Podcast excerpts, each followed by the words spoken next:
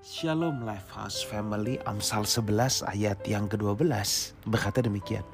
Siapa menghina sesamanya tidak berakal budi. Tetapi orang yang pandai berdiam diri. Saudara, saya merenungkan ayat ini. Ayat ini luar biasa saudara. Ya.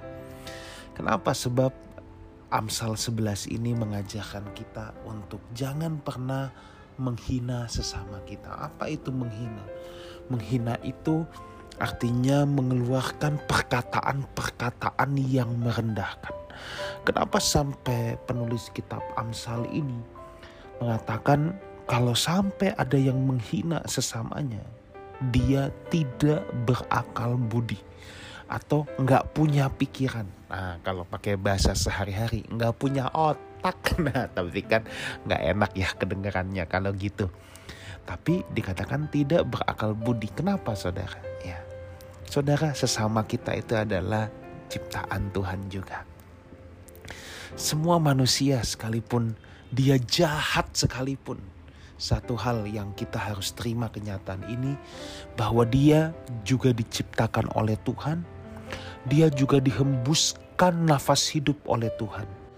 Roh yang ada di dalam dirinya juga berasal dari Tuhan. Sebab Alkitab berkata dia adalah Bapak segala roh. Dan juga manusia, seapapun jahatnya, tetap dia sebenarnya diciptakan segambar dan serupa dengan Tuhan. Hanya saja gambar dan rupa Tuhan sedang rusak dalam hidupnya. Belum dipulihkan. Gambar dan rupa Tuhan hanya bisa dipulihkan kalau kita menjadi percaya kepada Tuhan Yesus. Nah, tetapi sekarang sekalipun seseorang jahat, karena kita tahu bahwa dia juga adalah ciptaan Tuhan, maka kita tidak boleh menghinanya.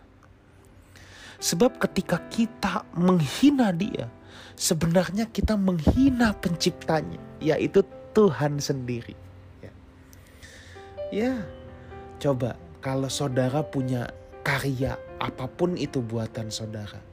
Kalau ada orang menghina karya itu kan sama dengan menghina saudara. Itu sebabnya di sini dikatakan siapa menghina sesamanya itu nggak berakal budi.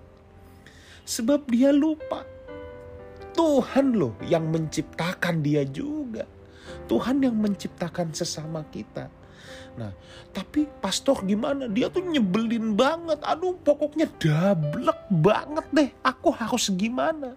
Nah, Amsal kasih tahu, tetapi orang yang pandai berdiam diri. Arti berdiam diri di sini bukannya nggak mau ngomong sama sekali. Pokoknya udah udah diem. Mau ditanya apa pun diem. Enggak, maksudnya gini. Sekalipun sesama kita dalam keadaan yang nyebelin tadi ya kita lebih baik diam daripada menghina dia. Nah, ini poinnya, saudara ya. Berdiam diri di sini maksudnya jangan menghina itu dia. Ya. Saudara, kalau seseorang lagi menghina orang lain, kadang-kala memang ada rasa puas, rasa lebih superior, rasa lebih hebat, dan tanpa sadar ini juga bisa memantik kesombongan dalam diri kita, memantik keakuan dalam diri kita. Itu sebabnya sekarang kita belajar jangan menghina siapa pun dia, sekalipun dia salah, jangan dihina.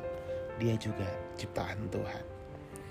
Saya berdoa Lifehouse Family menjadi orang-orang yang berhikmat, yang takut akan Tuhan, yang berakal budi, yang tidak pernah menghina sesamanya. Tuhan Yesus menyertai kita semua. Amin.